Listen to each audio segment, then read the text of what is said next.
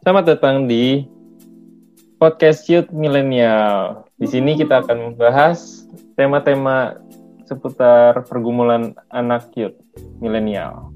Nah, untuk episode ini ditemani dengan saya Abraham, ada Olive dan juga ada tamu spesial kita dari episode sebelumnya, Kotimi. Ya, halo, Halo, teman-teman. Olive di Abraham. Oke, teman-teman. Jadi ini episode lanjutan dari episode sebelumnya. Nah, kita masih mau ngomongin indigo-indigo nih. Waduh. Ya. Nah, Liv, Apa kayaknya sebelumnya lu nanggung tuh, masih ada kurang nanyanya tuh. Oh ya, bener banget. Di episode sebelumnya aku ada mau nanya nih kok sebenarnya.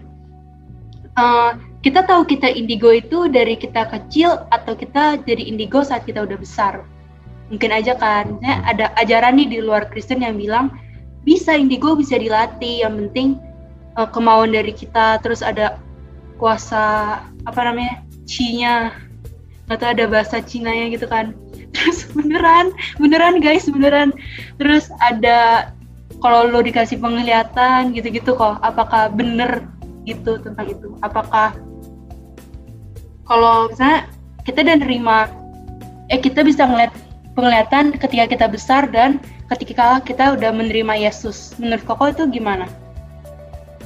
Oh, sebentar. Ini ada beberapa pertanyaan nih kayaknya. Pertama tuh soal apakah eh, apa kita terima kayak seperti Indigo. kemampuan indigo itu dari kecil atau udah besar gitu ya maksudnya? Iya, bisa nggak? Oh, oh bisa atau enggak kalau dari udah gede gitu maksudnya? Iya. Soalnya Nah. kan dari tadi Koko ngomong kayak indigo itu dari anak kecil gitu kan. Mungkin gak sih ada kemungkinan gak sih saat kita udah besar dan menerima Tuhan Yesus kita baru bisa melihat hal-hal kayak gini. Iya. Nah, yang aku nggak tahu itu adalah oh apakah sudah ada semacam penelitian ya? Jadi kayak riset yang menyeluruh gitu ya, misalnya kayak dari semua orang indigo di dunia ini, mereka mengalami pertama kalinya usia berapa misalnya. Katakanlah misalnya 50% itu masih kecil, kemudian 50% lagi udah dewasa. Itu nggak nggak tahu. Eh, aku nggak tahu dan aku nggak tahu apakah ada semacam eh, penelitian seperti itu. Jadi eh, agak susah ya untuk tahu eh, apakah semuanya dari kecil ataukah ada sebagian dari ada sebagian dari mereka yang udah gede baru terima gejala-gejala kayak begitu. Tapi kelihatannya ada ya, kelihatannya kalau misalnya eh, disuruh coba simpulkan aja secara cepat mungkin gitu dugaan aja. Sepertinya memang terbelah dua. Ada yang dari kecil, ada yang kecilnya enggak, eh remaja iya misalnya. Ada yang kecil enggak, remaja iya, eh pas menjelang dewasa atau dewasa baru dia menerima eh, gejala-gejala seperti itu. Sepertinya begitu, sepertinya sekali lagi ya. Kita nggak punya eh, dasar yang kuat untuk ngomong begitu sebetulnya. Tapi sepertinya begitu. Kemudian apa nextnya, uh, Oli tadi? Kalau kita udah menerima Tuhan, terus kita bisa ngeliat-ngeliat hal yang kayak gitu, gimana tuh kok? Oke. Eh, sekali lagi ya, eh, tadi ya, di minggu yang lalu aku sempat ngomong ya tentang bagaimana apakah pertanyaan ini sesuai dengan kenya- kenyataan di realitas kita sehari-hari gitu. Karena eh, bisa iya bisa enggak gitu ya. Yang pertama. Kemudian yang kedua, apakah ketika kita sebut orang yang sudah percaya Yesus itu apakah betul-betul dia sudah jujur dengan kondisi misalnya keluarganya? Apakah misalnya misalnya nih ya eh, masa lalu keluarganya pernah bermain-main dengan kuasa kegelapan? Nah waktu dia percaya Yesus kemudian dia nggak nggak nggak jujur tentang itu masih menyembunyikan katakanlah misalnya jimat gitu ya di rumahnya. Apakah itu eh, sudah bersih atau belum misalnya gitu kita nggak tahu juga misalnya. Artinya kalau dia, dia kalau dia nggak jujur, kita bisa aja lihat dia sebagai orang Kristen yang rohani sekali. Kita bisa lihat dia sebagai orang Kristen yang sungguh-sungguh gitu ya. Tapi nggak ada karena dia nggak jujur dengan hal itu, jadi kita nggak tahu. Jadi seolah kita kayak kayak apa? Ya seolah semua orang Kristen yang yang yang uh, bertobat lahir baru, eh bisa ada indigo begitu ya. Dan itu jangan-jangan tuh karunia dari Tuhan misalnya begitu. Padahal itu hal, ada hal-hal yang uh, tersembunyi yang masih belum di, belum diungkapkan dengan jujur misalnya begitu. Nah, karena hal-hal seperti ini ada variabel-variabel yang kita nggak nggak apa ya kita nggak bisa jawab dengan tuntas, maka memang susah untuk jawab pertanyaan seperti ini, oleh begitu. Bagaimana dengan orang-orang yang sudah besar dan menerima Tuhan Yesus kemudian selalu asumsi gini asumsinya, semua orang yang percaya Yesus itu pasti clear dengan kuasa kegelapan misalnya begitu ya. Padahal apakah itu betul? Ya mungkin sebagian sebagian enggak loh, begitu. Ya, jadi artinya kita nggak bisa simpulkan dengan mudah untuk hal-hal seperti ini, gitu. Itu sih mungkin Olive. Hmm, aku pengen nanya kok. Kan mm -hmm. jadi kita udah kok kan udah bilang kalau misalnya jadi kita nggak tahu ini itu dari Tuhan atau bukan terus kita juga nggak uh, tahu ini tuh baik atau salah juga. Terus jadi kita biarin ini aja atau kita harus usaha buat berhentiin gitu loh. Kita maksa berhentiin gitu. Ya atau sekali kalau kalau hmm. posisiku pribadi ya kalau lihat gejala-gejalanya yang menjurus-menjurus pada ramal-ramal misalnya begitu. Gejala-gejala yang menjurus-jurus pada interaksi dengan roh jahat kemudian uh, waktu kita sharingkan hal pengalaman-pengalaman seperti ini itu malah membuat orang lain apa ya takut gitu. Orang lain menjadi uh, parno sebagainya gitu ya paranoid dan serba khawatir dan sebagainya. Dari semua hal ini aku melihat kok ini bukan sesuatu yang dari Tuhan begitu loh. Uh, tidak membangun diri sendiri, tidak membangun orang lain juga, malah bikin orang lain serba ketakutan dan sebagainya. Di, untuk dirinya sendiri malah kayak bikin uh, dalam kasus-kasus tertentu ya nggak semua kasus. Jadi stres begitu kemudian jadi malah sakit-sakitan dan sebagainya begitu itu sebabnya uh, dugaan uh, bukan dugaan ya maksudnya kecenderunganku adalah posisinya adalah ya jangan jangan apa ya bangga dengan itu jangan pamer-pamerkan itu dan usahakan ya kalau bisa doakan supaya itu diangkat dari kamu. Karena sekali lagi hal-hal seperti ini kok ujung-ujungnya sepertinya bukan sesuatu yang wajar gitu loh di dalam di dalam uh, karunia rohani yang yang apa ya lazim pada orang Kristen pada umumnya gitu. Ini kalau terjadi pada orang Kristen ya sekali lagi ya ini itu mungkin Bram. Hmm, bentar tapi kan kan sebenarnya kalau misalnya membawa ketakutan buat orang lain atau orang lain jadi takut-takut gitu kan sebenarnya kan itu reaksi dari mereka gitu kan ya jadi sebenarnya bukan karena kitanya dong. Sama sama ini. Sama uh, dari tadi kan kok bilangnya kalau ini misalnya kecenderungannya membawa hal apa dampak yang negatif. Tapi bisa nggak sih kita pakai kayak ke indigo gini buat hal yang positif jadinya? Oke, contohnya apa misalnya? Hal yang positif? Eh, nggak tahu sih makanya. Misalnya yang aku ikut pendalaman Alkitab Gereja Koko nih kemarin. Terus kemarin tuh Koko bilang di salah satu menitnya kalau bisa buat kemuliaan Tuhan, misalnya kayak kita lihat pendetanya buat tafsirin sesuatu. Gimana sih yang Koko bilang kemarin tuh yang Oh, ya. Ya oh itu aku nggak bilang bahwa itu indigo loh itu adalah karunia namanya membedakan roh hmm. membedakan roh itu nggak nyambung sama indigo sebetulnya jadi kita nggak bisa bilang bahwa oh indigo itu jadi berkat karena dia bisa bedakan roh. Nah bukan. Nggak aku nggak ngomong gitu. Tapi justru aku ngomong kebalikannya bahwa karunia rohani membedakan roh itu nggak nyambung sebetulnya sama uh, apa namanya uh, gejala indigo. Kenapa? Karena yang namanya membedakan roh itu bukan kemudian lihat-lihat hantu lah, lihat-lihat setan lah, sebagainya. Bukan begitu. Membedakan roh maksudnya dia bisa peka kalau pengajaran tertentu itu apakah sesuai dengan firman Tuhan atau enggak misalnya begitu. Di balik pengajaran itu ada motivasi apa? Misalnya motivasi mamon, motivasi uh, duit doang misalnya begitu. Di balik pengajaran itu. Atau ada motivasi kesombongan dirinya, si pengkhotbah untuk mempermuliakan dirinya sendiri begitu uh, motivasinya itu dia bisa rasain gitu. Orang-orang yang punya karunia rohani membedakan roh ini gitu ya. Tapi sekali lagi itu bukan uh, indigo begitu. Kalau yang tadi membedakan roh bisa jadi berkat nggak? Oh pasti. Dia bisa melindungi jemaat Tuhan dari pengajaran-pengajaran sesat misalnya.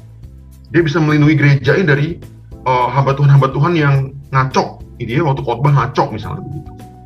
Dia bisa tahu begitu. Ya.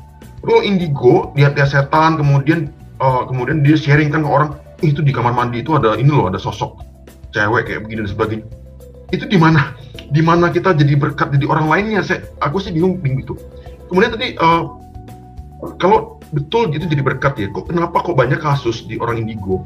Itu malah mereka itu uh, apa malah punya perilaku yang nggak terlalu oke okay. misalnya antisosial ya. Ada ada ada banyak kasus kayak begini. Mereka jadi eh, nggak uh, suka bergaul dengan orang lain misalnya. Terus mereka nggak suka dengan aturan-aturan. Mereka pokoknya jadi pemberontak aja pokoknya gitu ya. Ada sikap-sikap tertentu yang loh kok malah kalau ini adalah karunia dari Tuhan bukankah seharusnya membawa orang itu jadi lebih serupa Tuhan Yesus tuh bukan malah lebih kelihatannya lebih aneh gitu ya. Bukan jadi jadi orang aneh tapi justru jadi orang yang lebih rendah hati justru harusnya ya. Orang yang lebih mau bergaul dengan orang lain. Dia bisa mau tunduk pada otoritas misalnya begitu. Tapi kasus banyak dalam banyak kasus kebalikannya gitu. Jadi nggak mau nggak mau turut sama orang sama orang tuanya berontak terus gitu kemudian jadi antisosial dan sebagainya ya. Terus tadi uh, ada satu kalimat kokoh yang bisa membedakan roh. Berarti hmm. misalnya uh, rohnya gimana sih? Kok boleh jelasin lebih detail tentang penglihatan? Oh ya kita nggak nggak perlu bayangin roh itu kayak semacam ini ya. Maksudnya kayak makhluk gaib gitu. Bukan sih itu sih. Maksudnya kayak lebih kayak gini mungkin lebih tepat membedakan spirit dalam arti semangat dari si apa ya pengajaran itu gimana begitu iya. Oh ya tadi balik lagi ya misalnya ada kalimat tertentu di medsos misalnya begitu. Oh itu keluar dari uh, akun Kristen loh tapi kok rasanya kok bukan Kristen misalnya gitu ya. Kok kalimat pernyataan ini kok kok arahnya ke arah hmm, teologi kemakmuran misalnya begitu. Kita bisa peka nih. Oh kayaknya nggak sesuai dengan Alkitab deh. Meskipun dia keluar dari akun Instagram Kristen misalnya begitu. Ya uh, ya gitu. Jadi bukan roh yang kita bayangin kayak uh, makhluk-makhluk gaib dan sebagainya. Bukan itu sih. Bukan itu ke arahnya. Ya kayaknya Abram masih penasaran nih. Dari mukanya, kalau kalian lihat mukanya nih guys, Abram tuh kayak penasaran banget. Apa sih bro yang masih dipenasaranin? Iya, sebenarnya sih uh, kepikirannya kayak kan kalau misalnya yang tadi kata Otimi kalau apa kebanyakan yang indigo malah jadinya uh, kayak memberontak antisosial gimana gitu.